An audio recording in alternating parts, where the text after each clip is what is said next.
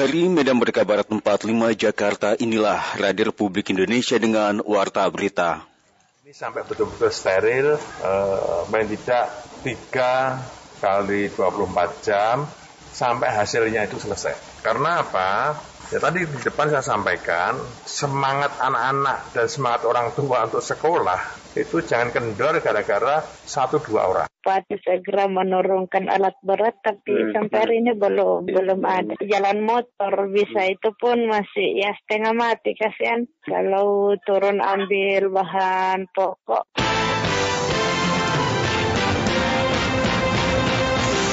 Sari berita, siswa terpapar COVID-19 empat sekolah di Solo ditutup sementara. Longsor memutus akses jalan, warga transmigran di Marano, Mamuju terisolir. Inilah warta berita selengkapnya hari Sabtu tanggal 27 November 2021 bersama saya Sugandi Avandi. Dan saya Siti Ana.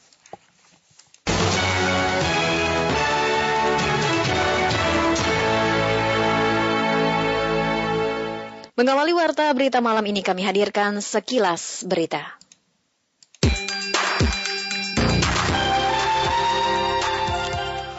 Polisi memperpanjang masa penahanan sopir Vanessa Angel Tubagus Jodi menjadi 40 hari di rutan Polres Jombang.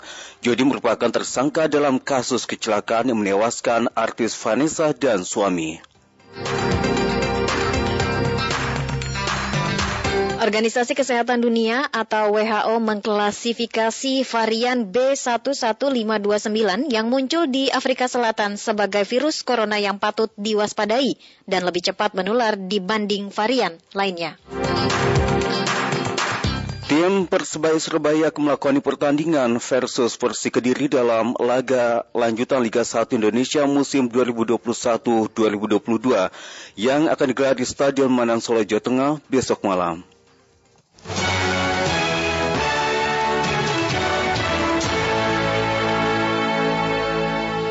Sebuah kapal KM Bandar Lestari terbakar. Maksud kami sedikitnya 38 rumah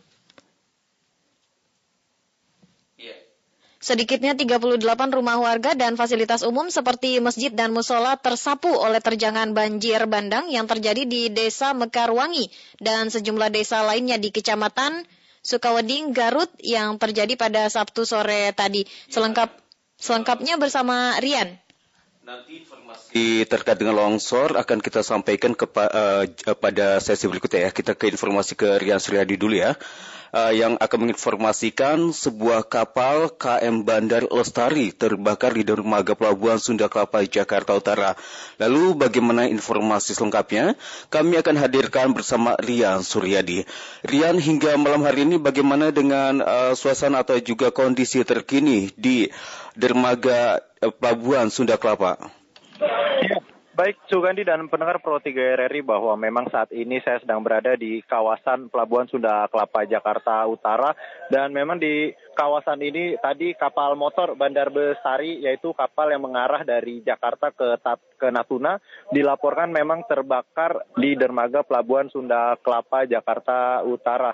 Dan dari peristiwa kebakaran tersebut dilaporkan memang tidak ada korban jiwa sejauh ini dan disebutkan kebakaran memang terjadi sekitar pukul 15.30 waktu Indonesia Barat dan kapal yang terbakar ini sedang sandar di dermaga 006 Pelabuhan Sunda Kelapa. Dan objek yang terbakar memang kapal KM Bandar Bestari milik PT Tropik di dermaga 006 Pelabuhan Sunda Kelapa. Dan tadi juga pihak kepolisian masih belum mengetahui penyebab kebakaran pastinya namun dugaan kuat kebakaran terjadi akibat korsleting listrik.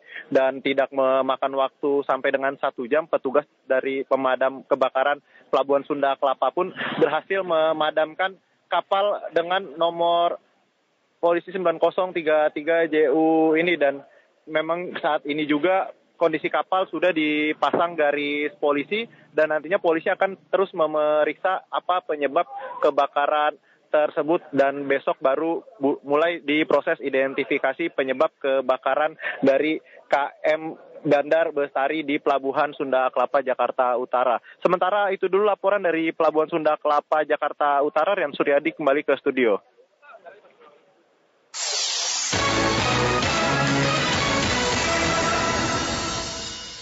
Ya mendengar, pemerintah menutup empat sekolah di Solo, Jawa Tengah menyusul ada sembilan siswa yang terpapar kasus COVID-19 dalam pembelajaran tatap muka atau PTM. Dari Surakarta, Mulato Isahan melaporkan selengkapnya. Nah, hasil tracing karo hasil kemarin sing surveillance Siswa peserta pembelajaran tatap muka PTM terbatas yang terkonfirmasi positif COVID-19 di kota Solo bertambah dua orang atau menjadi sembilan siswa. Sekolah harus ditutup paling tidak 3 kali 24 jam untuk sterilisasi dan tracing. Kepastian penambahan kasus didapat usai Pemkot Surakarta mendapati hasil surveillance PTM terbatas di SMP Negeri 6 Surakarta dan hasil tracing kasus COVID-19 di SD Negeri Cinderejo. Informasi yang dihimpun RRI dari Dinas Pendidikan Kota Surakarta, tambahan itu di SD Cinderejo yang kasus awalnya satu siswa, kemudian hasil tracingnya bertambah satu. Kemudian hasil surveillance PTM di SMP 6 mendapati satu siswa positif. Sekretaris Dinas Pendidikan Kota Surakarta Dwi Ariatno saat dikonfirmasi RRI mengatakan, Sekretaris Dinas Pendidikan Kota Surakarta Dwi Ariatno saat dikonfirmasi RRI mengatakan total ada 9 pelajar terpapar COVID-19. Rincian Rencananya dua siswa SD Negeri Cinderjo, tiga siswa SD Negeri Semanggi Kidul, tiga siswa SD Negeri Beskalan, dan seorang siswa SMP Negeri 6 Surakarta. Menurut Dwi Ariatno, sekolah-sekolah tersebut PTM terbatas dihentikan. Selanjutnya peserta didik kembali mengikuti pembelajaran jarak jauh atau PJJ. Biasanya nanti lima hari pasca ini dilakukan swab ulang exit test bahasanya nenggone medikui mm -hmm. atas hasil tracing yang nilainya negatif. Hmm. Nek hasilnya podo konsisten negatif, rampung boleh PTM, cuma sing positif masih di karantina. Sedangkan Wakil Wali Kota Surakarta Teguh Prakoso saat dikonfirmasi RRI mengatakan pembelajaran tatap muka sementara dihentikan paling tidak 3 kali 24 jam untuk keperluan sterilisasi dan juga tracing agar kasusnya benar-benar tuntas. Menurut Wawali, masyarakat tidak perlu khawatir dan tidak perlu takut dengan munculnya kasus anak terpapar COVID-19. ini sampai betul-betul steril, uh, paling tidak tiga kali 24 jam sampai hasilnya itu selesai. Karena apa? Ya tadi di depan saya sampaikan, semangat anak-anak dan semangat orang tua untuk sekolah itu jangan kendor gara-gara satu dua orang. Saya yakin. Sementara itu, Kepala SD Negeri Semanggi Kidul Tarwini menegaskan selama PTM terbatas sebenarnya protokol kesehatan telah diterapkan di sekolah tersebut.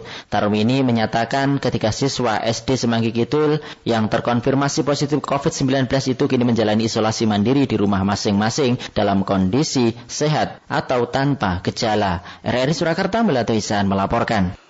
Polres Rembang, Jawa Tengah menggelar vaksinasi serentak untuk mencegah kenaikan kasus COVID-19 jelang libur Natal dan Tahun Baru 2022. Berikut laporan selengkapnya bersama Miftah. Kemudian untuk hari ini target jajaran Polres Rembang 2850 ya. Polres dan Polsek jajaran. Ratusan warga mengikuti vaksinasi yang digelar oleh Polres Rembang di Taman Rekreasi Pantai Kartini, Sabtu 27 November 2021. Giat tersebut dilakukan serentak se-Indonesia, termasuk di Kabupaten Rembang. Kapolres Rembang AKBP Dandi Aryo Yustiawan menjelaskan program vaksinasi tersebut digelar dalam rangka upaya pencegahan kenaikan kasus COVID-19 menjelang liburan Natal dan Tahun Baru. Pengalaman tahun kemarin, kasus COVID-19 saat liburan panjang naik menghadapi Nataru ya pasti banyak aktivitas masyarakat meningkat ya yang liburan kemudian yang merayakan Natal dan lain-lain. Pengalaman tahun kemarin eh, angka COVID pasti naik. Nah, salah satu upaya kita mengendalikan angka kenaikan COVID adalah vaksinasi. Makanya kita mulai dari sekarang kembali lagi yang sudah rutin kita laksanakan tapi kita tingkatkan kembali laksana vaksinasi. Insert Capaian vaksinasi per 25 November kemarin di Kabupaten Rembang sebesar 67,27 persen. Pihaknya bersama Pemkap akan terus mengejar hingga 70 persen ke atas akhir bulan ini atau sebelum Nataru. Sedangkan jenis vaksin yang diberikan yakni ada tiga macam, Sinovac, AstraZeneca, dan Moderna.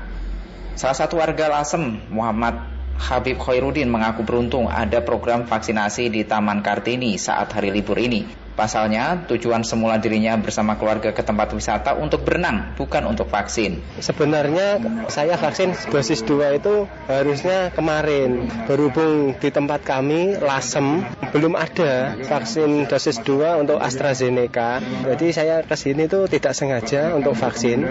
Kita liburan, Alhamdulillah habis renang langsung ikut vaksin. Selain di Taman Kartini, ada 11 gerai layanan vaksinasi serentak di wilayah Polres Rembang. Belasan gerai vaksinasi kali ini ada yang di Mapolsek ataupun di Puskesmas. Target vaksinasi kali ini sebanyak 2.850 orang. Dari Rembang, Miftah melaporkan. Pendengar sedikitnya 38 rumah warga dan fasilitas umum seperti masjid dan musola tersapu oleh terjangan banjir bandang yang terjadi di desa Mekarwangi dan sejumlah desa lainnya di kecamatan Sukwening, Garut, Jawa Barat. Selengkapnya bersama Irwan Rodiawan. Irwan. Baik, benar. Selamat malam di mana pun Anda berada. Sedikitnya, memang betul ada 38 rumah untuk perhitungan sementara begitu uh, rumah warga dan fasilitas umum seperti masjid dan musola tersapu oleh terjangan banjir bandang yang terjadi di Mekarwangi, Kecamatan Sukawening, Garut pada Sabtu sore tadi. Selain itu ada beberapa desa lainnya yang terdampak banjir bandang akibat luapan sungai Citameng 2, yakni di Kampung Cilowa, Desa Sukamukti, dan Desa Mekarluyu, Sukawening, Garut. Menurut Kepala Desa Mekarwangi, Kecamatan Sukawening, Garut, Sani, banjir bandang akibat tingginya curah hujan dan mengalir ke sungai Citameng yang dipenuhi sampah hingga meluap dan menerjang pemukiman warga. Hingga saat ini, seluruh unsur forum komunikasi pimpinan desa dari sejumlah desa di Kecamatan Sukawening bersama Porkopimcam masih melakukan evakuasi terhadap rumah warga yang terdampak. Selain melakukan evakuasi seluruh aparat desa dan kecamatan termasuk dinas terkait masih melakukan pendataan terhadap rumah warga dan fasilitas umum eh, lainnya yang terdampak banjir. Dan hingga saat ini belum ada laporan secara konkret begitu. Data lengkapnya eh, baik adanya korban eh, jiwa maupun eh, korban luka termasuk eh, data konkret terkait dengan eh, jumlah rumah warga yang terdampak banjir bandang tersebut. Sementara itu menurut Kepala Bidang Kedaruratan dan Logistik Badan Penanggulangan Bencana Daerah BPBD Garut dari Silman, saat ini pihaknya atau timnya mulai mensuplai logistik berupa makanan dan tempat tidur yang saat ini dibutuhkan warga.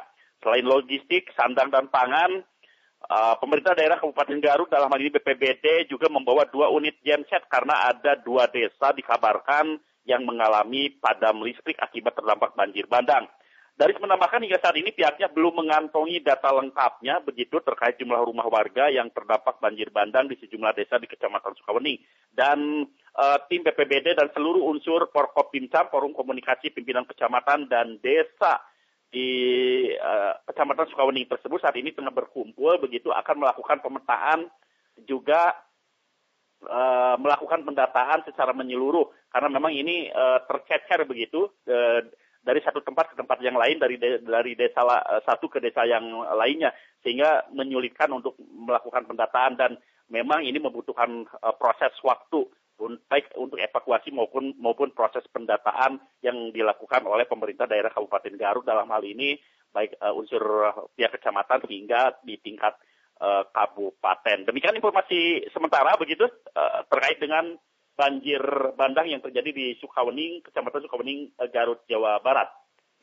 Ya, terima kasih Irwan atas laporan Anda. Sementara itu pendengar warga transmigran Marano memuju Sulawesi Barat terisolir akibat akses jalan terputus akibat longsor. Bantuan alat berat yang dijanjikan dari pemerintah Kabupaten Mamuju hingga hari ini belum ada di lokasi. Lalu bagaimana dengan kondisi warga? Berikut Muhammad Yusuf Umar menyampaikan informasi untuk Anda ketika itu kita dijanji Bun Bupati segera menurunkan alat berat tapi hmm. sampai hari ini belum belum ada. Warga transmigrasi di Marano, Kecamatan Kaluku, Mamuju, Sulawesi Barat masih terisolir. Mereka mengaku sudah tidak mampu lagi membersihkan material longsor yang menutupi badan jalan. Salah seorang warga, Nur Intan, mengatakan warga sudah gotong royong membersihkan material longsor namun masih belum bisa dilalui kendaraan. Menurutnya, Pemkap Mamuju berjanji akan menurunkan alat berat, tapi sampai saat sekarang ini belum ada. Dan hanya alat berat yang mampu membersihkan material longsor masyarakat penaroyongan untuk buka jalan motor belum bisa dilalui mobil oh. karena ketika itu kita dijanji Bun Bupati segera menurunkan alat berat tapi hmm. sampai hari ini belum belum ada jalan motor bisa itu pun masih ya setengah mati kasihan kalau turun ambil bahan pokok masih dijemput beberapa orang untuk bisa melewati supaya tidak jatuh. Sementara Bupati Mamuju Siti Naswardi mengatakan mengaku bakal menurunkan alat berat untuk membuka jalan yang tertimbun longsor. Dikatakan faktor alam yang tidak bisa diprediksi sehingga Marano sudah beberapa kali longsor.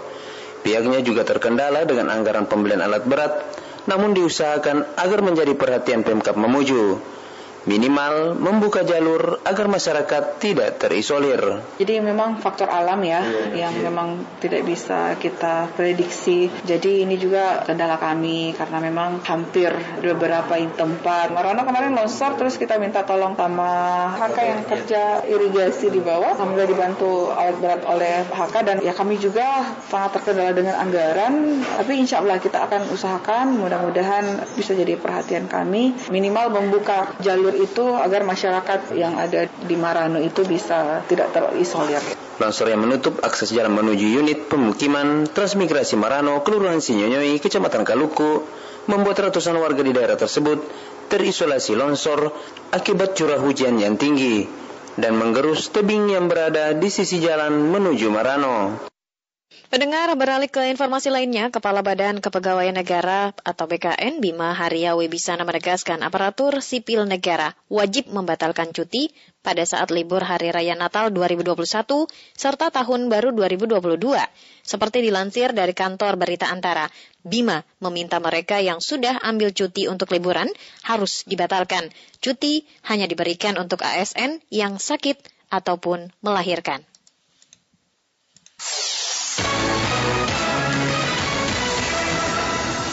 Kedutaan Besar Inggris untuk Indonesia meluncurkan program pemberdayaan perempuan, remaja dan penyandang disabilitas untuk memperluas akses ekonomi digital. Berikut Fitra Maria menyampaikan informasi selengkapnya sambutan pembukaan dari Duta Besar Inggris untuk Indonesia, Yang Mulia Bapak Owen Jenkins. Seiring dengan percepatan transformasi digital masa kini, Kedutaan Besar Inggris meluncurkan sebuah program untuk memperluas akses ekonomi digital bagi para perempuan, remaja, dan masyarakat Indonesia yang terpinggirkan, serta komunitas rentan, termasuk penyandang disabilitas dan komunitas HIV. Kedubes Inggris melihat pandemi COVID-19 sebagai tantangan bagi para kelompok rentan untuk masuk dalam ekosistem digital. Untuk itu, Inggris mendanai program baru yang diberi nama Essence. Layaknya new normal di kehidupan masyarakat, Duta Besar Inggris untuk Indonesia dan Timur Leste, Owen Jenkins, mengatakan bisnis saat ini haruslah menyesuaikan diri. Melalui program akses digital dengan UK Indonesia Tech Hub, bekerja sama dengan For the Archipelagic and Island States Forum, UNDP Indonesia. Kedutaan Besar uh, Inggris telah mengembangkan program yang bertujuan untuk meningkatkan inovasi dan kewirausahaan uh, dengan memperdayakan perempuan dan komunitas terpinggirkan menuju inklusi digital. Ini masih, masih awal dari pekerjaan kami, karena Inggris terus memprioritaskan tech for good secara global. Dan melalui program akses digital Inggris, saya berharap kita dapat terus mengentaskan kemiskinan dan menginspirasi pertumbuhan ekonomi. Saya senang mengumumkan peluncuran resmi program pertumbuhan keberlanjutan ekonomi untuk perempuan, anak muda, dan disabilitas, program Essence hari ini, yang bekerjasama dengan AIS, UNDP Indonesia, Kumpul, dan Yayasan Semester Nusantara. Dengan dibukanya pelatihan ini, Dubes Owen Jenkins berharap para peserta dapat mempelajari keterampilan baru dari program Essence. Peserta juga diharapkan menjadi lebih percaya diri dan memiliki keinginan untuk terus maju sebagai wirausahawan yang siap secara digital. Pada kesempatan yang sama, Deputi Bidang Koordinasi Kedaulatan Maritim dan Energi, Basilio Dias Araujo, menyambut baik peluncuran program tersebut. Menurutnya, program Essence dapat mengakselerasi upaya pemerintah Indonesia dalam memulihkan ekonomi nasional. Program kerjasama ini menjadi kegiatan yang tepat untuk uh, mengakselerasi upaya pemulihan ekonomi nasional dalam mendukung program pemerintah untuk memfasilitasi tumbuh dan berkembangnya kewirausahaan. Hingga saat ini sekitar 15 juta, 15,9 juta pelaku UMKM telah terhubung ke dalam ekosistem digital. Ini adalah satu revolusi yang luar biasa. Ya. Kami targetkan pada tahun 2024 sebanyak 37 juta UMKM bisa bertransformasi dan memanfaatkan platform digital. Lebih dari seribu orang terdaftar sebagai peserta penerima manfaat untuk mendukung UMKM di wilayah pesisir Indonesia dengan mengikuti program pelatihan Essence yang berlangsung secara daring selama empat minggu. Para peserta nantinya akan mendapat literasi digital, keterampilan bisnis, dan kewirausahaan. Program ini dijalankan melalui kerjasama UK Indonesia Tech Hub Kedutaan Besar Inggris di Jakarta dengan mitra Archipelagic and Island States Forum dan United Nations Development Program atau UNDP. Dengan penyampaian program melalui salah satu startup Indonesia, Kumpul, dan Yayasan Semesta Nusantara. Dari Jakarta, Fitra Maria Pro 3 RRI. Beralih ke informasi lainnya, elemen buruh akan menggelar aksi unjuk rasa besar-besaran mendesak Gubernur DKI Jakarta Anies Baswedan untuk menaikkan upah sebesar 5 persen. Pemerintah sendiri sudah menetapkan UMP 2022 1,9 persen. Berikut Rizky Basuki menyampaikan informasi ini selengkapnya memberikan perhatian ya, mencarikan solusi terbaik bagi kepentingan buruh, kepentingan pengusaha, kepentingan pemerintah dan kepentingan seluruh warga ya. Wakil Gubernur DKI Jakarta Ahmad Riza Patria menanggapi tuntutan elemen buruh agar upah minimum provinsi atau UMP naik 5% pada tahun 2022. Ariza mengatakan dalam penetapan UMP ada aturan yang harus ditaati, sudah ada formula dan rumusannya. Adapun ketentuan yang dimaksud Ariza adalah peraturan pemerintah nomor 36 tahun 2021 tentang pengupahan yang merupakan aturan turunan dari Undang-Undang nomor 11 tahun 2020 tentang cipta kerja. Namun, Ariza berjanji akan mencarikan solusi terbaik bagi para buruh dan juga pengusaha. Kewenangan regulasi itu kan bukan di Pemprov ya. Ini kan terkait ada aturan undang-undang cipta kerja ya. Namun demikian kami akan terus memberikan perhatian ya, mencarikan solusi terbaik bagi kepentingan buruh, kepentingan pengusaha, kepentingan pemerintah dan kepentingan seluruh warga ya. Sebelumnya, Presiden Konfederasi Serikat Pekerja seluruh Indonesia, Andi Gani Menawea, mengaku heran dengan dengan alasan pemerintah menetapkan kenaikan UMP tahun 2022 sebesar 1,09 persen. Kalau kita menolak PP nomor 36, kita bikin ke sana apa alasan pemerintah, hitungannya seperti apa 1,09 persen, parameternya apa? Karena buat saya sendiri ini nggak jelas. Kok bisa 1,9 persen, sedangkan inflasi berapa persen, pertumbuhan ekonomi 7 persen. Nah ini kan semua kita menghitung di angka ya, idealnya dihitungan kami 5 sampai 8 persen misalnya dengan hitungan itu harusnya keluar angka segitu tapi nyatanya keluar angka 1,09 persen nah parameternya yang mana yang diambil? Pertumbuhan ekonomi dengan inflasi atau ada parameter yang lainnya? Sementara puluhan ribu buruh berencana menggelar aksi penyampaian pendapat di depan Balai Kota DKI Jakarta mulai tanggal 29 November hingga Gubernur DKI Jakarta Anies Baswedan menaikkan UMP sebesar 5 persen pada tahun 2022. Pembangunan tol Semarang Demak seksi kedua sudah mencapai 58 persen. Seksi kedua meliputi ruas tol Sayung Demak. Komisaris Utama PT Pembangunan Perumahan Andi Gani mengakui tingkat pengerjaan seksi kedua ini cukup sulit karena jalurnya melintasi rawa-rawa. Berikut kami hadirkan selengkapnya bersama Luki Setiawan. Untuk saat ini eh, kita uh, pekerjaan fokus tinggal sisi sini Pak, sisi uh, arah Demak. Kalau daerah sini Penjelasan dari pemimpin proyek pembangunan tol Semarang-Demak seksi kedua ini disampaikan di sela-sela kunjungan Gubernur Jawa Tengah Ganjar Pranowo yang mengunjungi proyek tersebut pada Jumat 26 November 2021. Dari penjelasan ini diketahui jika kontraktor terus melakukan percepatan pembangunan. Targetnya pun proyek pembangunan jalan tol dari Sayung Demak sepanjang 16,31 km ini akan selesai pertepatan pada perayaan Sumpah Pemuda 28 Oktober 2022 mendatang. Progres seksi kedua ruas tol Sayung Demak saat ini sudah mencapai 58 persen. Komisaris Utama PT Pembangunan Perumahan atau PP Andi Gani kepada Gubernur Jawa Tengah Ganjar Pranowo mengatakan tingkat pengerjaan seksi kedua ini cukup sulit karena jalurnya melintasi rawa-rawa. Itu ada banyak kesulitan ya kita melewati rawa dan beberapa hal ada tadi-tadi yang kita uh, apa gunakan di proyek ini agar tidak terjadi kecelakaan konstruksi. Nah, itu PT PP sangat memperhatikan bagaimana teknik-teknik yang terbaru itu kita aplikasikan di jalan tol ini agar aman digunakan nanti ke depannya tidak hanya 10-20 tahun tapi dalam jangka waktu yang cukup panjang. Sementara itu Gubernur Jawa Tengah Ganjar Pranowo mengaku senang dengan capaian progres proyek tol ini. Keberadaan tol tersebut nantinya akan menjadi ikhtiar untuk menyelesaikan permasalahan banjirop di sekitar Demak dan Semarang.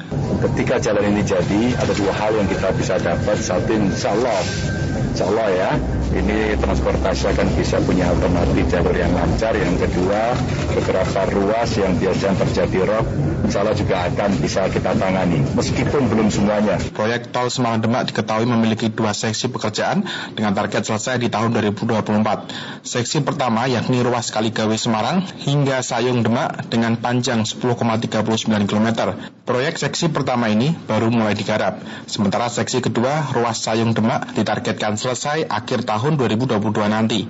Lukis Tiawan melaporkan.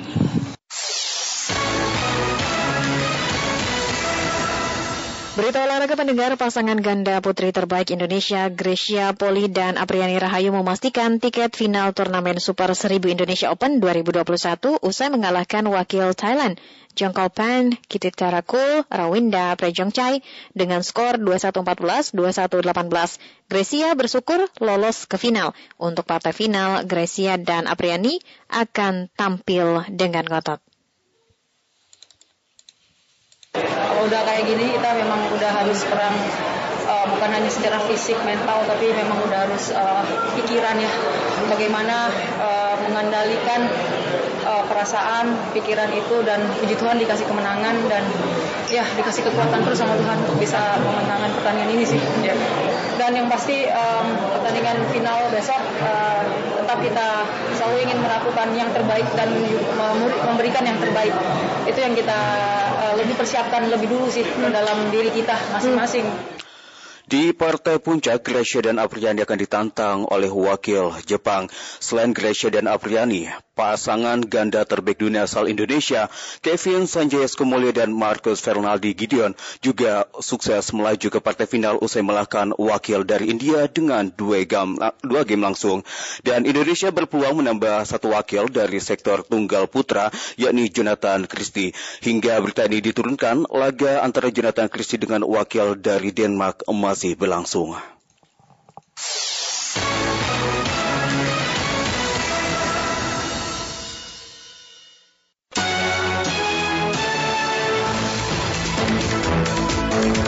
Selepas ini kami akan lanjutkan kembali program Indonesia Menyapa Malam. Tetaplah bersama kami, saya Siti Ana. Dan saya Suganda Fandi.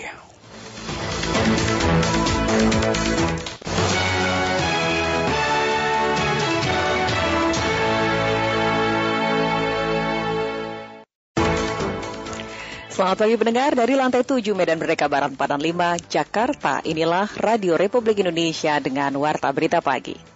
Dibuka transparan pada publik. Wilayahnya mana saja dalam otoritas mereka 49% itu. Bandara itu ada di wilayah Sumatera Utara gitu. Jadi Pak Gubernur harus harus tegas juga melakukan pendataan-pendataan kawasan-kawasan mana yang mungkin ada jalan atau jembatan-jembatan yang rusak itu akan kita data dan kita usulkan ke pemerintah pusat melalui BNPB.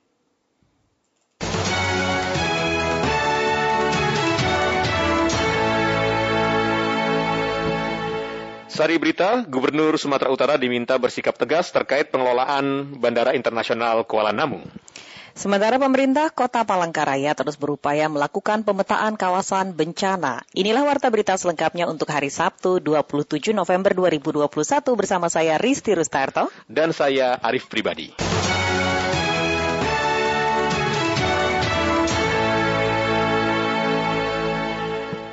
Mengawali warta berita pagi ini, kami sampaikan sekilas berita utama.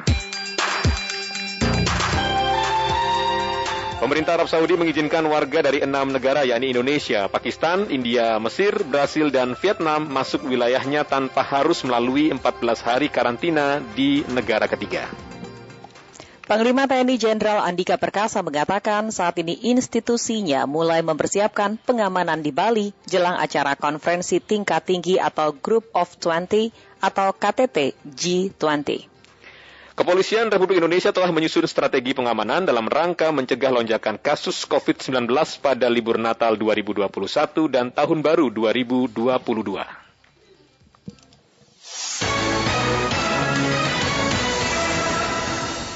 Gubernur Sumatera Utara diminta bersikap tegas terkait pengelolaan Bandara Internasional Kuala Namu di Kabupaten Deli Serdang yang 49 persen sahamnya ternyata dikuasai asing.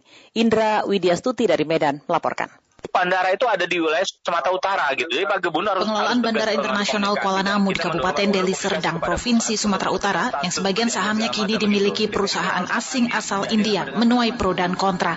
Wakil Ketua Fraksi PKS DPRD Sumatera Utara Hendro Susanto mengatakan, kerjasama dengan pihak asing siogianya diharapkan dapat memberi dampak positif, salah satunya dengan peningkatan layanan di Bandara Kebanggaan Sumatera Utara tersebut. Namun pihaknya juga melihat ada potensi masalah dari kerjasama ini. Salah satunya dikhawatirkan menghambat menghambat akses bagi masyarakat. Karena itu pihaknya meminta Gubernur Sumatera Utara bersikap tegas dengan mempertanyakan langsung terkait kerjasama tersebut agar tidak merugikan masyarakat, khususnya masyarakat Sumatera Utara. Pihaknya juga meminta Ketua DPRD Sumatera Utara agar memanggil pengelola bandara dan pihak-pihak terkait lainnya untuk menggelar rapat dengar pendapat gabungan agar persoalan menjadi jelas. DPRD harus memanggil rapat dengar pendapat gabungan untuk kita RDP kan sehingga di situ akan kita sampaikan pada publik apa yang terjadi karena masyarakat juga menanyakan kepada kami sebagai sebagai anggota DPR harus bertindak tegas terhadap itu semua. Dibuka transparan pada publik. Mereka ini menguasai mana dan uh, mereka ini uh, wilayahnya mana saja dalam otoritas mereka 49% itu. Kan kita belum cek juga itu 49% itu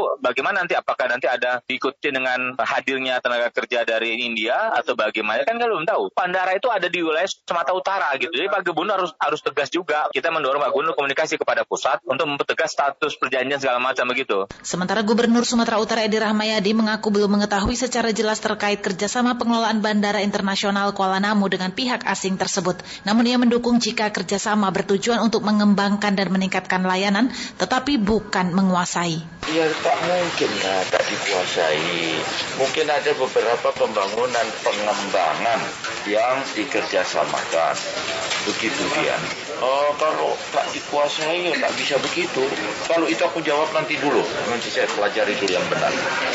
Diketahui PT Angkasa Pura II bersama perusahaan asal India GMR Airport International membentuk PT Angkasa Pura Aviasi untuk mengelola dan mengembangkan Bandara Internasional Kuala Namu di Kabupaten Deli Serdang, Sumatera Utara. Staf khusus Menteri BUMN Arya Sinulinga sebelumnya mengatakan Angkasa Pura II mendapatkan dua keuntungan, yakni dana sebesar 1,58 triliun dari GMR serta ada pembangunan dan pengembangan Bandara Kuala Namu sebesar 56 triliun rupiah dengan tahap pertama sebesar 3 triliun rupiah. Melepas saham sebesar 49 persen tersebut akan membuat perseroan tidak perlu mengeluarkan uang sebesar 58 triliun rupiah untuk pengembangan Bandara Internasional Kuala Namu.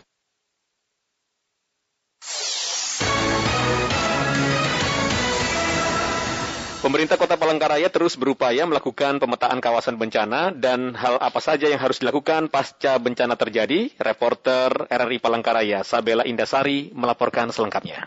Kita kan kalau namanya situasi bencana ini pakai dana BTT ya. Dana BTT kita kan dari COVID dan lain-lain uh, memang sudah dianggarkan. Pemerintah Kota Palangkaraya terus berupaya untuk menangani kebencanaan di wilayahnya, khususnya yang saat ini kerap terjadi yakni bencana banjir. Kepala Bidang Pencegahan dan Kesiapsiagaan Badan Penanggulangan Bencana Daerah BPBD Kota Palangkaraya Heri Pauji menyampaikan, saat ini Badan Penanggulangan Bencana Daerah BPBD Kota Palangkaraya telah melakukan pemetaan daerah rawan banjir banjir juga berbagai hal dampak dari banjir yang ditimbulkan untuk segera dibenahi, juga dalam penyaluran logistik pasca bencana terjadi. Di samping mengatasi banjir, dengan pasca banjir ini kita juga melakukan pendataan-pendataan kawasan-kawasan mana yang mungkin ada jalan atau jembatan-jembatan yang rusak itu akan kita data dan kita usulkan ke pemerintah pusat melalui BNPB. Di BNPB itu ada bidang rekonstruksi dan rehabilitasi di mana pasca banjir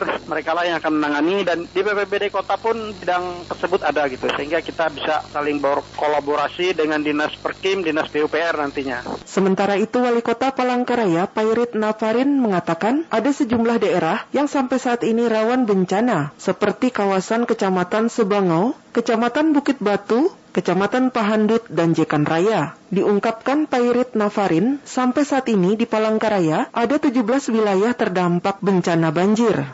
Di Kecamatan Sebangau ada, di Kecamatan Bukit Batu ada, ya, Pahandut dan Jekan Raya. Ada empat kecamatan kelurahan Marang, satu, dua, tiga, eh, 17, 17. Saat ini pemerintah Kota Palangkaraya juga telah memperkuat pembentukan kelurahan tangguh bencana yang telah terbentuk di 10 kelurahan dan akan dilanjutkan di tahun depan dalam upaya mitigasi bencana yang dilakukan perangkat kelurahan melalui edukasi kepada masyarakat setempat apa saja yang harus dilakukan saat bencana terjadi dan cara menanggulanginya. Pemerintah Kabupaten Kulon Progo menetapkan periode pertengahan November hingga 1 Desember mendatang sebagai status tanggap darurat penanganan bencana hidrometeorologi. Menurut Kepala Pelaksana BPBD Kulon Progo Joko Satyo Agus Nahrawi, status ini dikeluarkan terkait adanya sejumlah bencana tanah longsor. Berdasarkan informasi dari BMKG, perubahan iklim dan cuaca ekstrim yang terjadi saat ini juga berdampak pada terjadinya curah hujan yang tinggi, sehingga punya potensi menimbulkan berbagai macam bencana, khususnya di wilayah Kulon Progo. Hujan lebat ini biasanya disertai dengan angin kencang. Ini kami mengedukasi kepada teman-teman Destana yang sekarang jadi Kaltana, ya Kaluran Tangguh Bencana. Ini sudah kita edukasi, sudah kita sampaikan untuk mereka mengedukasi masyarakat di sekitarnya untuk waspada. Joko menambahkan dengan adanya status tanggap darurat bencana, maka anggaran biaya tak terduga tahun anggaran 2021 dapat dipakai sesuai kebutuhan, sehingga pada akhirnya penanganan bencana di Kulon Progo diharapkan dapat dilakukan secara cepat dan komprehensif.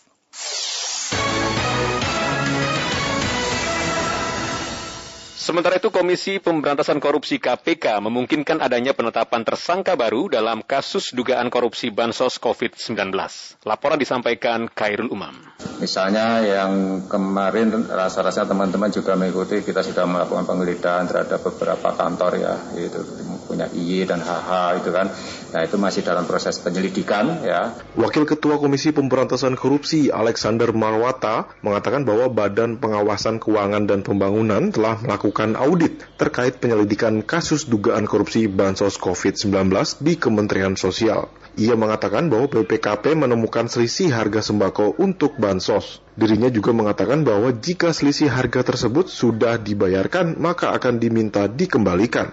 KPK sendiri masih terus melakukan tahap penyelidikan soal perkembangan kasus ini. Alex menyebut BPK atau BPKP belum melakukan perhitungan kerugian negara atas dugaan korupsi tersebut. Ia menegaskan perhitungan itu akan dilakukan usai kasus ini sudah naik ke tahap penyidikan. Baru tahap berapa kemarin dan apakah nanti akan kita tindak lanjuti dengan bansos yang Misalnya yang kemarin rasa-rasa teman-teman juga mengikuti kita sudah melakukan penggeledahan terhadap beberapa kantor ya, itu punya IY dan HH itu kan.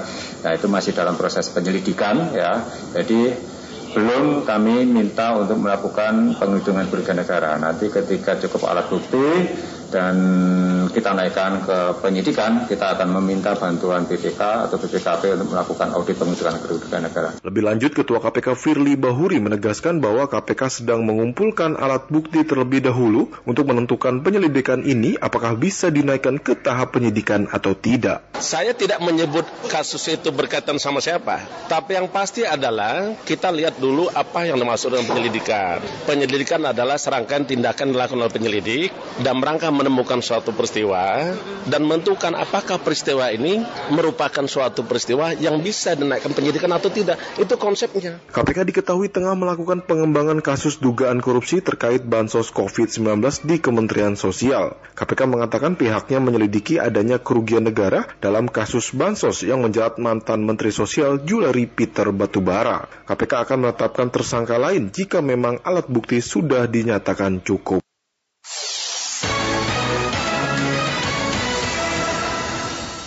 Terima kasih Anda masih bersama kami di Warta Berita Produksi Radio Republik Indonesia.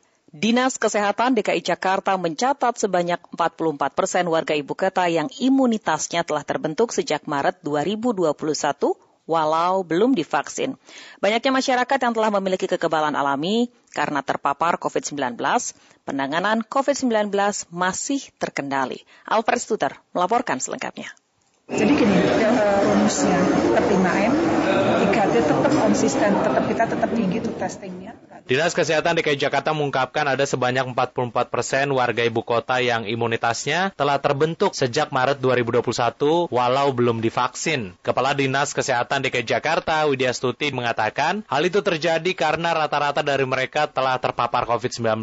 Data itu kata dia diperoleh dari survei serologi yang sampelnya diambil pada bulan Desember 2020 hingga Januari 2021. Belum lagi ditambah adanya program vaksinasi yang memberikan perlindungan lebih pada seseorang. Tapi kita tahu bahwa di DKI Jakarta sendiri di bulan Maret sudah ada hasil survei apa serologi hmm. di mana uh, di bulan Maret data diambil di bulan Desember sampai Januari terus kemudian diolah dan dikeluarkan di bulan Maret bahwa 44 persen warga DKI sudah terbentuk imunitas. Banyaknya masyarakat yang telah memiliki kekebalan alami karena terpapar COVID-19 ini juga dikonfirmasi Gubernur Jakarta Anies Baswedan yang menekankan kondisi itu menjadi salah satu alasan mengapa hingga kini penanganan COVID-19 di ibu kota masih terkendali. Jadi gini, intinya situasi di Jakarta secara umum terkendali. Kenapa? Karena masyarakat yang terekspos dengan virus uh, SARS-CoV-2 itu prosentasenya sudah tinggi. Meski demikian, lanjut Anies bukan berarti sepenuhnya aman, sebab sifat virus COVID-19 yang trennya terus mengalami mutasi dan menjadi lebih ganas. Untuk itu, ia meminta agar warga tetap disiplin dalam menerapkan protokol kesehatan di keseharian. Pendengar pemerintah daerah istimewa Yogyakarta akan lebih memperketat pemeriksaan di tiga pintu masuk Yogyakarta guna mencegah kenaikan kasus COVID-19 di masa libur Natal dan Tahun Baru. Berikut laporan Justina Wigati tolong di tanggal 24 sampai tanggal 2 yaitu kita semua menahan diri. Untuk mengendalikan COVID-19 selama masa libur Natal dan Tahun Baru, pada PPKM level 3, Pemda DIY akan melakukan pemeriksaan di tiga titik pintu keluar masuk, yakni di Temon, Tempel, dan Prambanan, mulai 24 Desember hingga 2 Januari 2022. Kepala Satpol PP DIY, Novia Rahmat, mengungkapkan Pemda DIY telah menerima instruksi Menteri Dalam Negeri terkait dengan kenaikan PPKM level 3 pada masa Natal dan Tahun Baru 24 Desember hingga 2 Januari 2022. Instruksi Mendagri tersebut ada 10 poin, antara lain melakukan pembatasan bagi tempat ibadat, objek wisata, mal, restoran maupun pusat perbelanjaan hanya diperbolehkan 50%. Selain itu juga akan memperketat aturan perjalanan. Untuk itu agar pada masa Natal dan Tahun Baru DIY dapat mengendalikan penularan COVID-19, maka Pemda DIY bersama dengan Dinas Perhubungan TNI Polri akan melakukan pemeriksaan. Jadi kami akan membuat di tiga perbatasan. Tetapi terus terang kami tidak akan bisa menyekat 24 jam. Novia Rahmat juga mengingatkan pentingnya masyarakat disiplin protokol kesehatan karena di PPKM level 2 saat ini sudah banyak kelonggaran diberikan akan tetapi kasus COVID-19 di DIY per 25 November justru meningkat menjadi 79 kasus tertinggi nasional. Ini harus disikapi dan diantisipasi antisipasi mulai sekarang agar pada masa Nataru tidak terjadi lonjakan. Saya menduga yang 79 ini lebih banyak di klaster tatap muka atau di sekolah-sekolah. Nah kami kemarin juga ikut menyasar termasuk ke sekolah-sekolah terkait dengan penerapan protokol kesehatan. Nah ini sebetulnya yang dibutuhkan adalah kejujuran. Kepala Satpol PP DIY Novia Rahmat meminta agar ketentuan dalam PPKM level 3 ditaati semua pihak termasuk tidak mudik, mengurangi mobilitas, dan disiplin protokol kesehatan mengingat ia menemukan banyaknya pelanggaran tidak pakai masker dan berkerumun. Juru bicara pemerintah untuk penanganan COVID-19, Dr. Reisa Broto Asmoro meminta masyarakat untuk tidak pulang kampung atau mudik pas saat perayaan Natal tahun 2021 dan perayaan Tahun Baru 2022. Kami kutip dari kantor berita antara hari ini, tradisi pulang kampung menurutnya juga berpotensi menciptakan klaster penularan COVID-19 dari keluarga besar. Untuk itu ia meminta agar masyarakat melakukan mudik pada waktu lain atau Selain saat momen Natal dan Tahun Baru, karena berdasarkan pengalaman tahun lalu, tingginya mobilitas saat Natal dan Tahun Baru menimbulkan siklus penularan baru.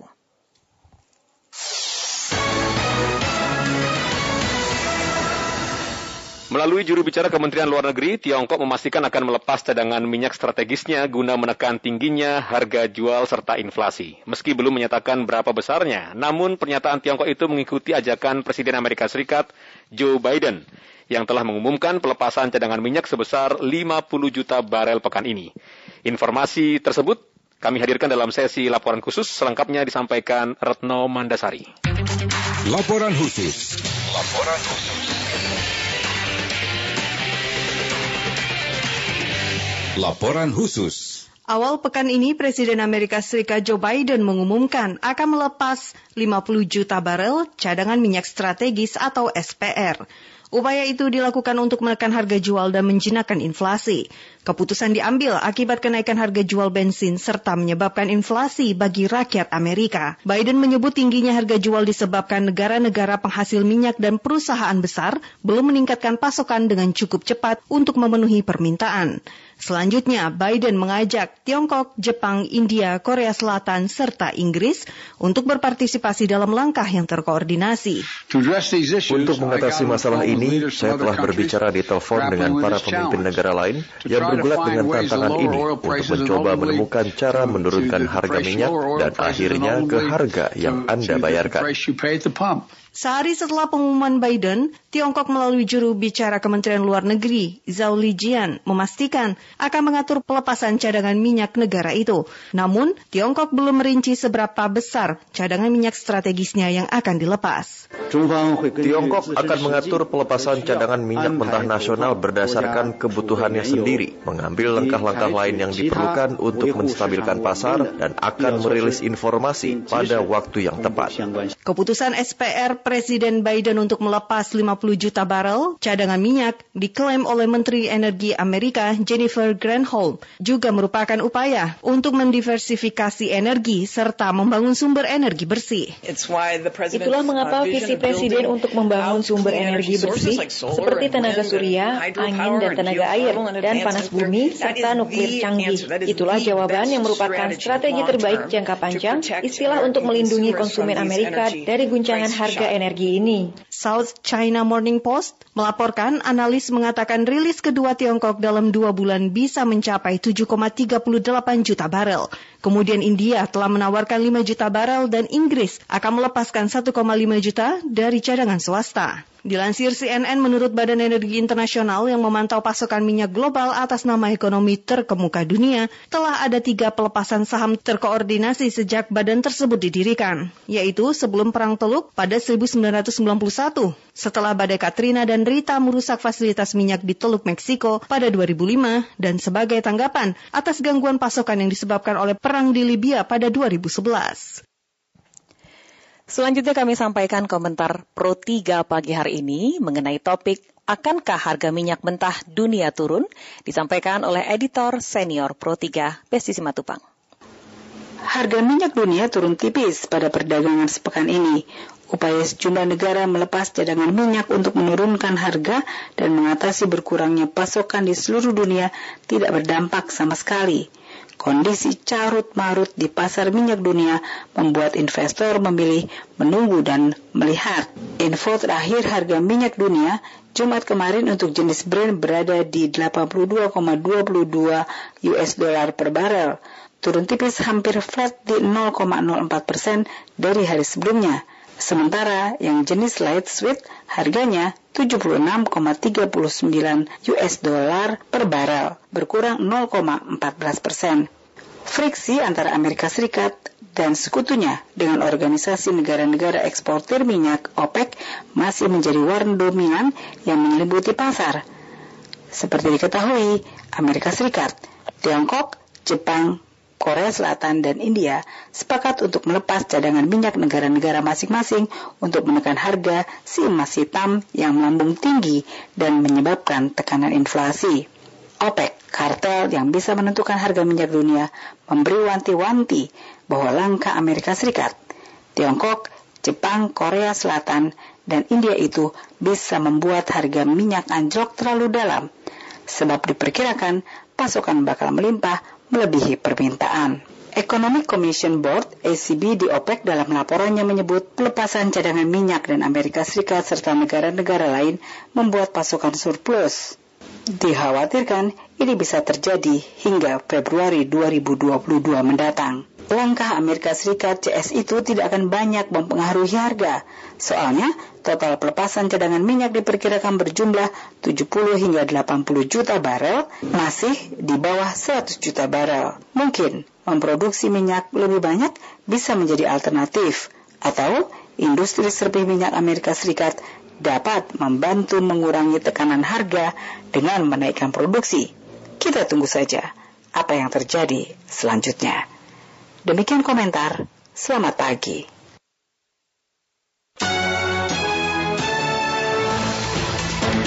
Demikian warta berita Pro 3 Radio Republik Indonesia. Tetaplah bersama dengan kami untuk menyimak informasi-informasi aktual lainnya dalam Indonesia Menyapa Pagi. Saya Arif Pribadi. Dan saya Risti Rustarto. Selamat pagi.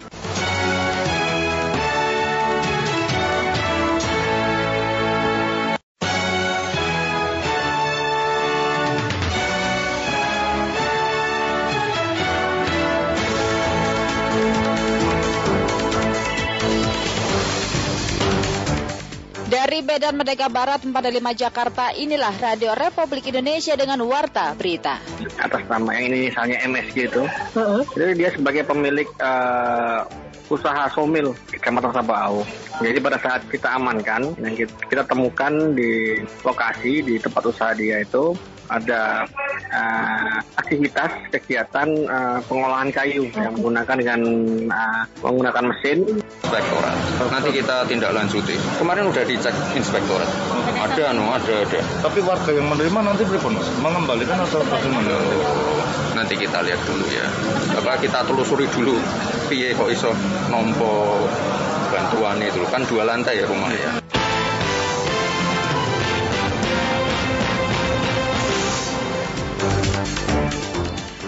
Sari Berita. Polisi tangkap cukong kayu perambah ilegal di kawasan Cagar Biosfer, Giam Siak Kecil Riau. Bantuan sosial perumahan swadaya di Solo disalahgunakan untuk renovasi kamar. Inilah warta berita selengkapnya pendengar untuk edisi hari Sabtu tanggal 27 November 2021. Saya Adela Kusumadan dan saya Angelika Manda.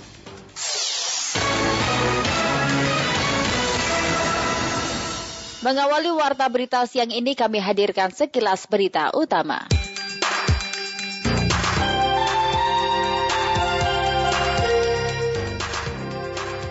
Satgas Penegakan Hukum Nemangkawi menangkap pentolan kelompok kriminal bersenjata atau KKB Temianus Magaya. Seperti dilansir dari kantor berita antara, Dirkrimum Polda Papua Kombes Pol Faisal Rahmadani mengatakan Temianus adalah pelaku sejumlah aksi penembakan dan kekerasan di DKI Kabupaten Yahukimo. Empat orang santri meninggal dunia dalam kecelakaan yang terjadi di desa Gampeng, Gampeng Rejo, Kabupaten Kediri. Bus ditabrak oleh truk trotron. Sejumlah negara menutup pintu bagi pendatang dari negara-negara Afrika Selatan untuk mengantisipasi penyebaran COVID-19 varian baru B11529 yang ditemukan Botswana yang memiliki 10 mutasi. Indonesia menempatkan tiga wakilnya pada turnamen bulu tangkis Indonesian Open 2021 pada partai semifinal siang ini. Mereka adalah pasangan ganda putri Gracia Polii dan Apriani Rahayu, kemudian tunggal putra Jonathan Christie atau Jojo, selanjutnya ganda putra Marcus Fernaldi Gideon yang berpasangan dengan Kevin Sanjaya Sukamulyo.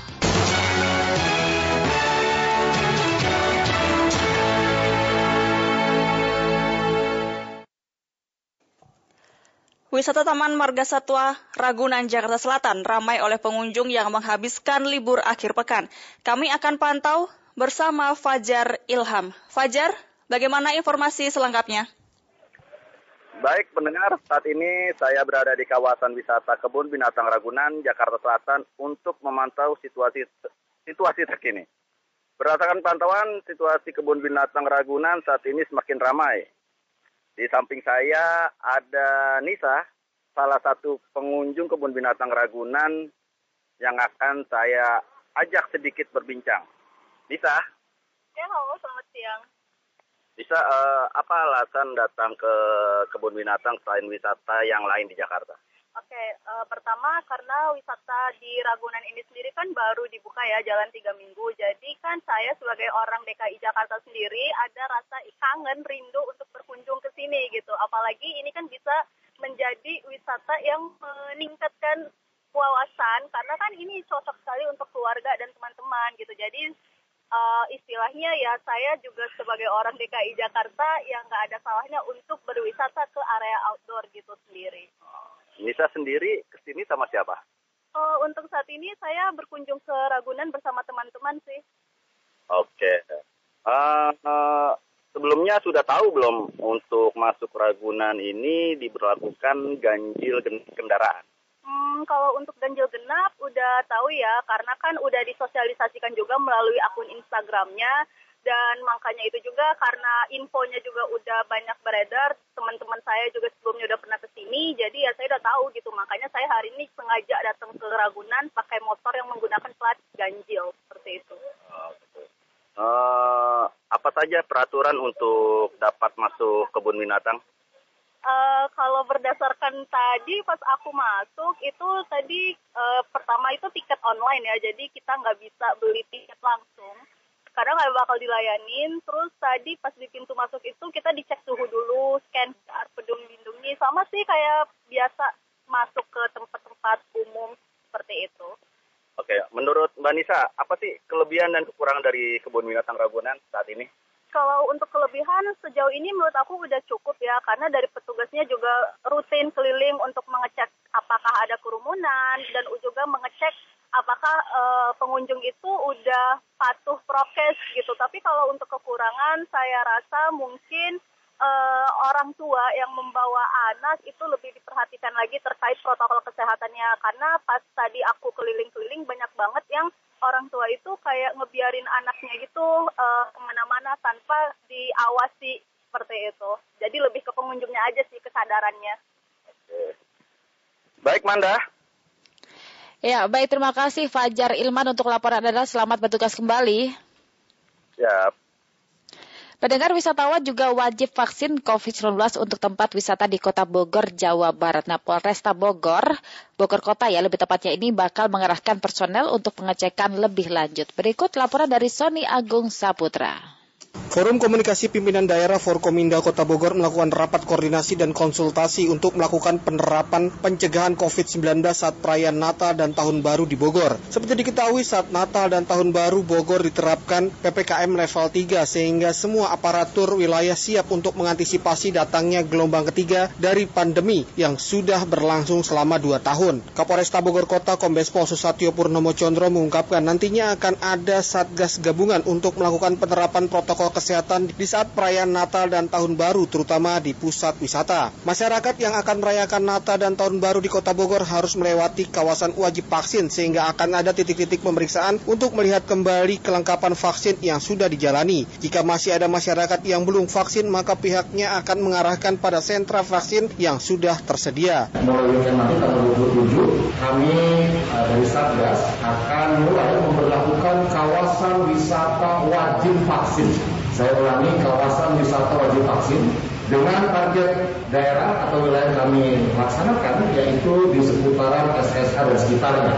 Artinya baik itu kebun raya, pedestrian SSA, termasuk juga semua masyarakat yang memanfaatkan pada hari akhir pekan itu di seputar SSA. Kami akan menyiapkan petugas gabungan. Total hampir 800 personil gabungan TNI Polri juga dari Satpol PP Disub semuanya untuk memastikan bahwa semua orang yang berkegiatan di SSA itu sudah tervaksin.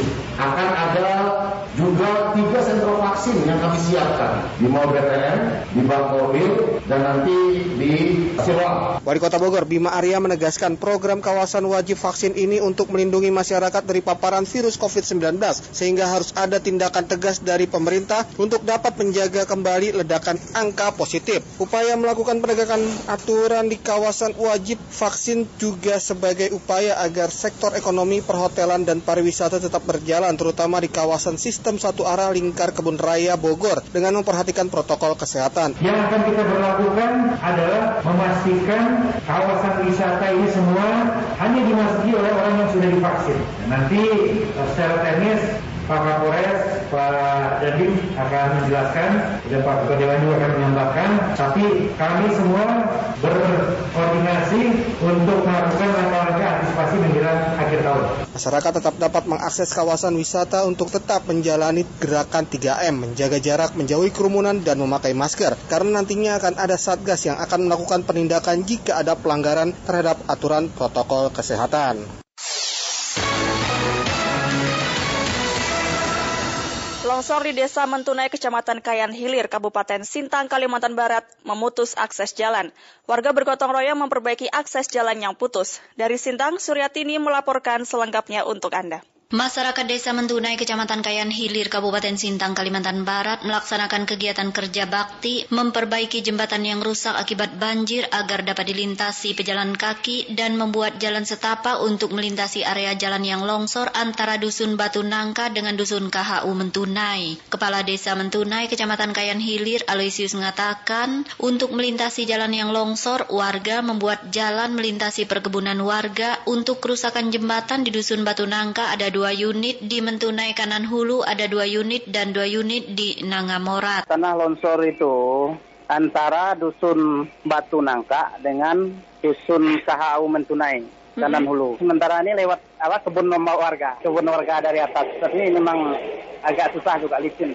Nah, kembali ke jembatan, yang satu di dusun Batu Nangka itu ada dua unit rusak mentunai kanan hulu, dusunnya ada dua unit juga. Di Nangamorat ada dua unit juga. Sekarang lakukan kerja bakti untuk sementara waktu dilantaikan dengan kayu anu, kayu bulat. Sementara itu, Kasih Pemerintahan Kecamatan Kayan Hilir Sadikin mengatakan pihaknya melakukan pendataan kerusakan jembatan maupun fasilitas umum akibat banjir di Kecamatan Kayan Hilir berdasarkan laporan dari Kepala Desa. Kami dari pihak kecamatan e, mendata jumlah kakak, jumlah jiwa yang terdampak banjir. Sadikin menjelaskan data rumah atau gedung aset desa rusak dampak bencana banjir tahun 2021 di Kecamatan Kayan Hilir, Kabupaten Sintang yang sudah masuk di kecamatan yaitu di Desa Kerapa Sepan, Dusun Sepan Merah, satu unit rumah rusak berat, Desa Sungai Garong, Dusun Gurung Tingkong, RT 8, 6 unit rumah rusak berat, 2 unit rusak sedang dan 6 unit rusak ringan, di Dusun Sungai Garong, RT 1 ada 3 unit rumah rusak berat, Desa Nangal Kalidau, Dusun Longkong Pota, RT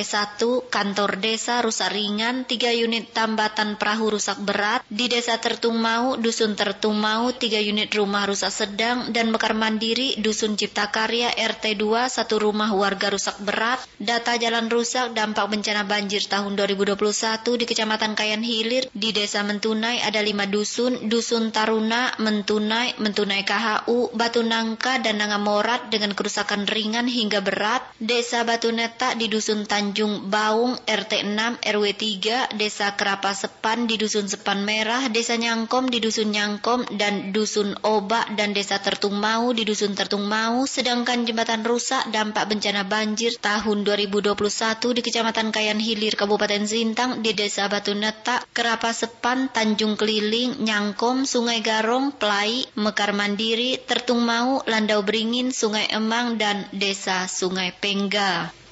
Suryatini melaporkan. Pendengar Badan Meteorologi, Klimatologi, dan Geofisika atau BMKG mengingatkan resiko bencana hidrometeorologi di tengah musim penghujan saat ini. Apalagi fenomena lanina dapat menambah intensitas curah hujan di sebagian besar wilayah Indonesia sekitar 20 hingga 70 persen. Informasi selengkapnya disampaikan oleh Safira Amalia. Hujan kita tahun ini akan memiliki potensi air ataupun intensitas hujan yang lebih banyak karena berbarengan dengan Badan Meteorologi, Klimatologi, dan Geofisika BMKG mengingatkan resiko bencana hidrometeorologi yang berpotensi di sepanjang tahun. Apalagi wilayah Indonesia saat ini telah memasuki periode musim penghujan. Kepala Pusat Meteorologi Publik BMKG Fahri Rajab mengatakan terdapat 323 zona musim di Indonesia yang memiliki karakteristik masing-masing dan saat ini hampir seluruh zona telah masuk ke musim penghujan. Kenapa sepanjang tahun? Misalnya saat ini kita sedang dalam periode musim hujan ya, antara apa November, Desember, Januari, Februari sampai Maret nanti itu adalah periode musim hujan. Musim hujan potensi bencana hidrometeorologinya adalah banjir, banjir bandang, longsor. Kemudian beralih ke periode peralihan musim dari musim hujan ke musim kemarau nanti di bulan April, Mei itu potensi bencana hidrometeorologinya hujan lebat tapi dalam durasi pendek dan puting beliung. Bahkan kadang ada kasus uh, laporan hujan es juga. Nah, kemudian bergerak ke musim kemarau di bulan Juni, Juli, Agustus, September bencana hidrometeorologi kering, yaitu kekeringan, uh, kebakaran hutan lahan. Kemudian bergerak lagi ke peralihan dari musim kemarau ke musim penghujan, yaitu di bulan-bulan apa uh, Oktober, November kembali hujan lebat, kadang disertai angin kencang, puting beliung. Jadi kalau dari sisi rentang waktunya, potensi bencana hidrometeorologi itu terjadi hampir sepanjang tahun. Lebih lanjut, Fahri menyebut fenomena lanina telah terdeteksi. Fenomena ini berdampak pada peningkatan intensitas curah hujan sekitar 20 hingga 70 persen di sebagian besar wilayah Indonesia. Beberapa wilayah terkena dampak lanina di antaranya adalah Pulau Sumatera, Jawa, Bali, Nusa Tenggara Barat, dan Sulawesi. Lanina sudah terjadi terindikasi ya atau terdeteksi dari uh, bulan September lalu dan uh, diperkirakan masih akan berlangsung sampai akhir musim penghujan nanti di sekitar bulan April. Jadi musim hujan kita tahun ini akan memiliki potensi air ataupun intensitas hujan yang lebih banyak karena berbarengan dengan aktifnya fenomena lanina. Jadi uh, dari hasil penelitian penambahan intensitas uh, curah hujannya antara 20 hingga 70 persen dari normal. Sumatera Selatan merupakan salah satu wilayah yang rawan bencana alam. Kepala Dinas Komunikasi dan Informatika Provinsi Sumsel Ahmad Rizwan menyebut potensi bencana alam tersebut di antaranya berupa kebakaran lahan dan hutan, juga banjir dan tanah longsor yang dapat terjadi hampir setiap tahun. Namun pihaknya telah memitigasi upaya pencegahan baik dalam jangka pendek maupun jangka panjang. Untuk musim hujan uh, sudah masuk di bulan sekarang, pemerintah Provinsi Sumatera Selatan sudah menyiapkan langkah-langkah. Yang pertama, kami sudah konsolidasi mengadakan apel siaga untuk banjir di Sumatera Selatan ini sudah kita adakan seprovinsi Sumatera Selatan. Kemudian juga kita memitigasi bencana-bencana uh, yang ada di Sumatera Selatan ini dengan melaksanakan pembuatan atau pembangunan tanggul penahan air bronjong kegiatan sungai dini penahan untuk sejarah jangka panjangnya, Mbak. Sedangkan untuk uh, jangka pendek untuk posko-posko yang ada di Sumatera Selatan sudah disiagakan mulai dari tingkat provinsi sampai dengan tingkat kabupaten. Bencana alam yang datang saat pandemi COVID-19 membutuhkan kewaspadaan khusus. Hal ini dikarenakan lokasi pengungsian dan tindakan penyelamatan dapat berpotensi menjadi titik penularan COVID-19 apabila tidak disertai dengan protokol kesehatan. Untuk itu kerjasama semua pihak juga kesadaran kolektif masyarakat diperlukan agar dampak bencana alam dapat ditekan. Dari Jakarta, Safira Malia, Pro 3, RRI.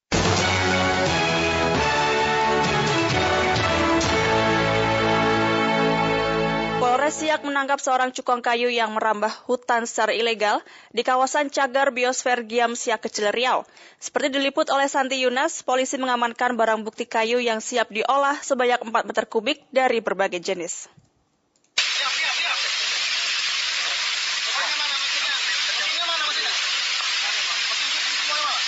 Detik-detik penangkapan pelaku perambahan hutan dilakukan oleh pihak kepolisian Resor Siak dari dalam kawasan cagar biosfer Giam Siak Kecil. Satu orang pelaku berinisial MSG diamankan yang merupakan cukong kayu. Dari penangkapan ini, polisi menemukan barang bukti kayu yang siap diolah sebanyak 4 meter kubik dari berbagai jenis. Kayu tersebut dialiri ke sungai kecil yang ada di sekitar kawasan hutan. Selanjutnya, kayu-kayu hasil tebangan dibawa ke bedeng untuk kembali dijual. Kapolres Yak AKBP Gunar Rahardianto mengatakan pelaku merupakan bos pembabat yang kerap merusak kawasan hutan untuk meraup pundi-pundi uang. Nah, itu pelaku yang kita amankan yang atas nama yang ini misalnya MSG itu. Uh-huh. Jadi dia sebagai pemilik uh, usaha somil Kecamatan Sabaau. Jadi pada saat kita amankan, kita temukan di lokasi di tempat usaha dia itu ada uh, aktivitas kegiatan uh, pengolahan kayu yang menggunakan dengan uh, menggunakan mesin dan ditemukan di sana kurang lebih 4 meter kubik kayu olahan dari berbagai jenis. Ya, dia mengakui dari bawah dia mengambil kayunya ini dari GSK, Jagar Biosfer Diam Siak. Dia memiliki uh, apa istilah bedengan atau tempat tenda dia di pinggir di pinggir uh, cagar biosfer tempat untuk menumpuk kayu itu jaraknya sekitar 10 kilo dari tempat usahanya sekarang ini yang kita amankan itu. Rusaknya kawasan hutan yang masuk dalam cagar biosfer Giamsia kecil ditentang pengamat lingkungan Elviriadi. Menurutnya kawasan hutan Riau sudah semakin menipis akibat ulah orang yang tidak bertanggung jawab. Ya, saya melihat itu harus menjadi pintu masuk untuk membuka semuanya. Gitu. Saya masih menduga ya, bahkan meyakini itu masih ada lagi akarnya yang belum dicabut. Upaya penindakan perambahan hutan secara ilegal terus digencar kepolisian daerah Riau dengan memerintahkan seluruh jajaran Polres menangkap pelaku yang melakukan kerusakan hutan. Sebelumnya Polda Riau juga telah menangkap mafia kayu yang menamakan dirinya anak jenderal. Reporter Santi Yunas, RRI Pekanbaru. Beralih ke informasi lainnya di mana Wali Kota Solo Gibran Rakabuming Raka akan menelusuri bantuan sosial perubahan Perumahan Swadaya atau BSPS pendengar yang diduga salah sasaran. Berdasarkan temuan di lapangan, penerima justru orang mampu dan digunakan untuk pembangunan kamar rumah lantai 2. Berikut Mulato Ishaan melaporkan untuk Anda.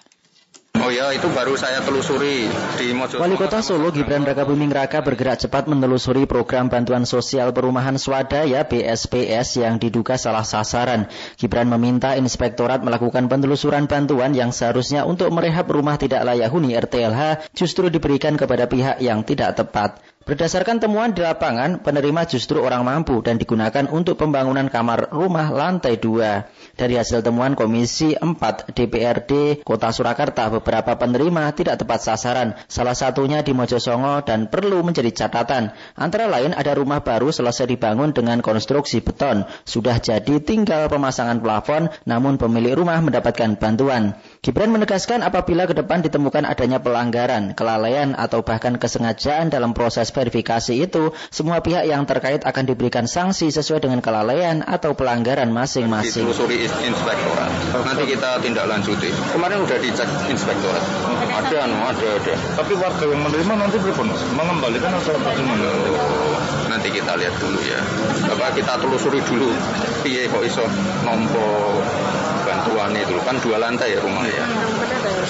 Sedangkan Sekretaris Daerah Kota Surakarta Ahyani mengatakan bahwa program bantuan sosial perumahan swadaya itu merupakan program bantuan untuk penanganan rumah tidak layak huni yang proses verifikasinya dilakukan dari pusat. Untuk salah sasaran yang sedang disoal oleh Komisi 4 akan dicek ulang oleh Disperum KPP. Verifikasinya dari TFL, TFL kan dari Kementerian dan Pusat kan. Itu kan juga kita juga misalnya harus diverifikasi ulang. Dan memang sudah disinkron atau apa di cross check ke ESIC ya. Hmm. ya. Tapi kan ESIC juga harus dilihat dia tuh di kategori P berapa. Ya nanti dari nanti dari dinas perumahan kan yang yang apa yang apa yang memverifikasi final. Mahyani juga mengatakan bahwa program tersebut merupakan salah satu langkah untuk penyelesaian permasalahan RTLH di Solo yang anggarannya bisa jadi pemerintah maupun dari pihak swasta. Jumlah bantuan itu bisa menyentuh ribuan sasaran tiap tahunnya. Soal besaran bantuan untuk rehab rumah itu, Sekda Ahyani memastikan bahwa besaran dana yang diberikan berbeda antara program satu dengan yang lainnya. Begitu juga dengan proses penyalurannya karena ada yang diberikan tunai, namun ada juga yang diberikan pula dalam bentuk barang bahan bangunan. RRI Surakarta melalui melaporkan.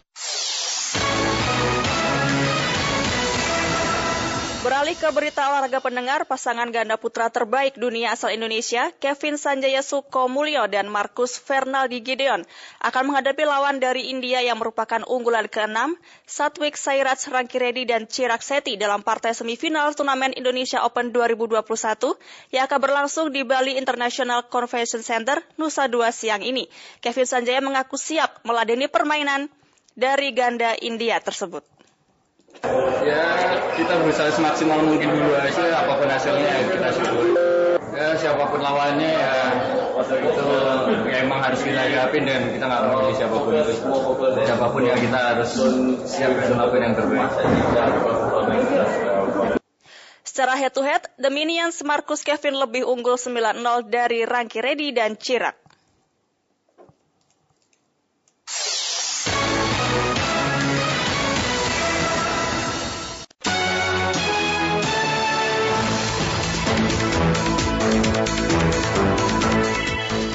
Selepas ini pendengar kami akan menghadirkan kembali program Indonesia Menyapa Siang. Tetaplah bersama kami. Saya Andela Sumadan dan saya Angelika Manda. Selamat siang.